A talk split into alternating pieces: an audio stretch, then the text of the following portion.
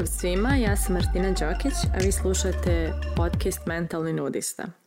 Nalazimo se u epizodi 12 i u ovoj epizodi govorim o tome čija mjerila uspjeha pratimo, da li imamo neka svoja definisana ili pratimo ono što je negdje definisano od strane okruženja, društva ili porodice.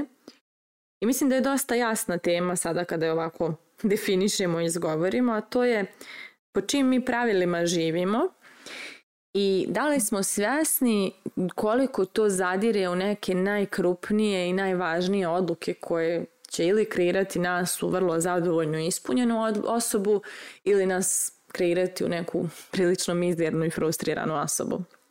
Jer postoje kriterijumi i mjerila uspjeha koji su nam nametnuti, s kojima smo odrastali, na koja smo naučeni da predstavljaju imperativ uspjeha. Postoje neki koji su nekako kreirani u javnosti, u medijima, u okruženju i nije lako uopšte u svemu tome razaznati koja su to naša mjerila i šta je to tačno naša istinska sreća i ispunjenje. I onda i kada to razaznamo, nije lako ispratiti to i stati iza toga jer zna se desiti da oko nas postoji nerazumijevanje za, na, za taj naš način ili čak što više otpor prema tome što smo mi zamislili da je uspjeh za nas. Ja sam, na primjer, neko ko je dosta e, promašio onaj neki standardni put e, škola, fakultet, diploma, muž, dijete, kredit za stan – i krenula sam nekim potpuno haotičnim putovanjem kroz moj život.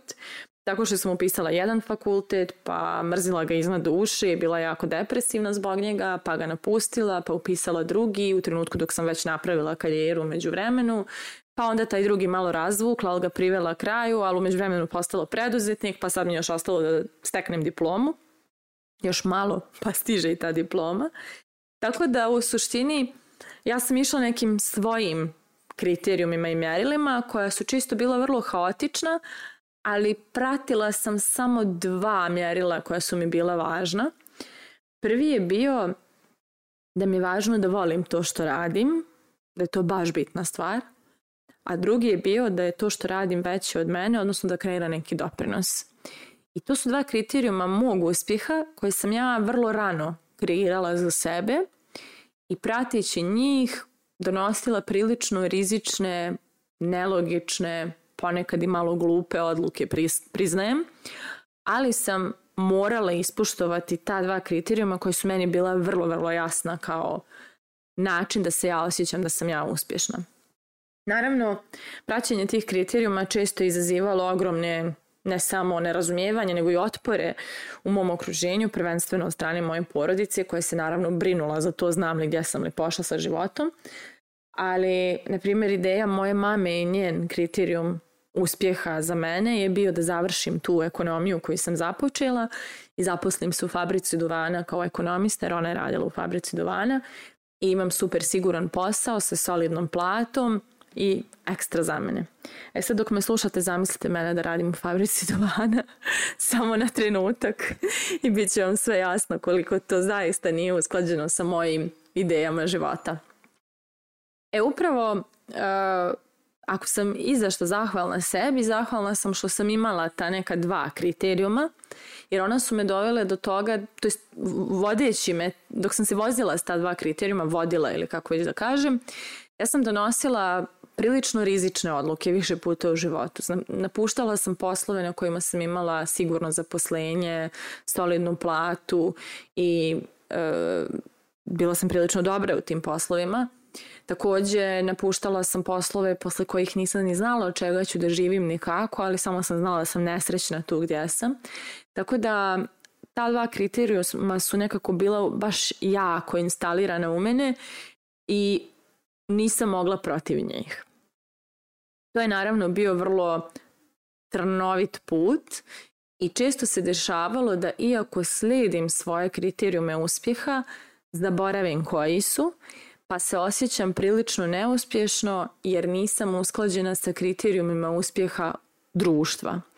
Na primjer, kada sam ušla u preduzetničke vode, Moja ideja je bila da moja kompanija kreira doprinos, odnosno dotakne živote i mnogih ljudi i učini ih kvalitetnijima.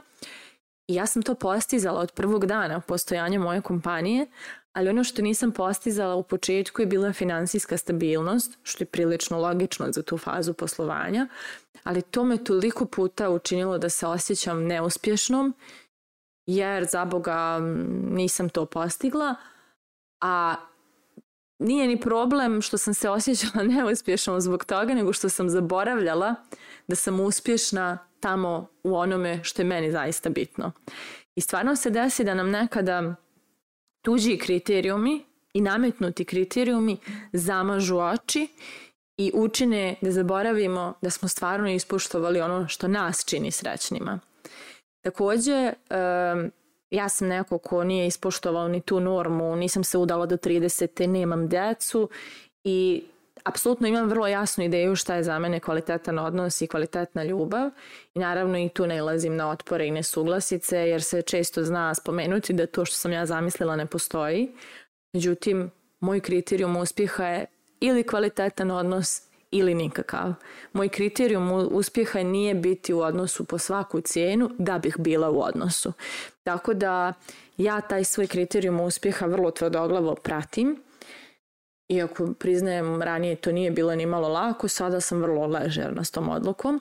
Tako da Zaista ne živimo u okruženju koje često podržava naše kriterijume uspjeha, niti ih razumije i zna biti baš izazovno i čak i kada ih definišemo, da ostanemo pri njima onako posvećeni. I postoji jedna šala baš za NLP edukacije, a to je da se nigdje ne slavi otkaz kao na NLP-u, zato što e, ljudi kad krenu na edukaciju vrlo se povežu jedni sa drugima i onda postanu jedni drugima onako ekipa za podršku, za zajednički rast i slično. I kada neko dok prolazi edukaciju odluči da da otkaz, jer nije srećan na tom poslu, ne želi više da pravi kompromise i slično, Uglavnom znate i sami kada odlučite da date otkaz, zna da se desi da ljudi oko vas baš preispituju tu odluku jer ipak je tu, imate platu, dobar je posao ili šta god. A kada dođete na, u, na NLP i izjavite da dajete otkaz, uglavnom dobijete aplauz, jer ljudi oko vas su uvjereni da radite nešto što je usklađeno s vašim mjerilima uspjeha. Tako da mnogo znači kada oko sebe imate ljude koji su vam podrška u vašim mjerilima uspjeha i koji ne određuju za vas šta je ono što vi treba da uradite da biste bili uspješni, nego da vi sami za sebe to shvatite, a oni će vas podržati slavo bogatstvo, moć je nešto što je takođe nekako kreirano od strane sistema medija kao ideja uspješnog života, ali ako provjerite koliko je super zvijezda bilo na rehabilitaciji zbog alkoholizma i droge, jasno vam je da nema tu puno sreće koja je garantovana s tim kriterijumima. Naravno, koga to ispunjava, on će biti srećan, oni, ko samo to ispunjava, ne ispunjava one neke druge svoje kriterijume sreće, neće se do, to desiti. Odnosno kriterijume uspjeha, ali svejedno.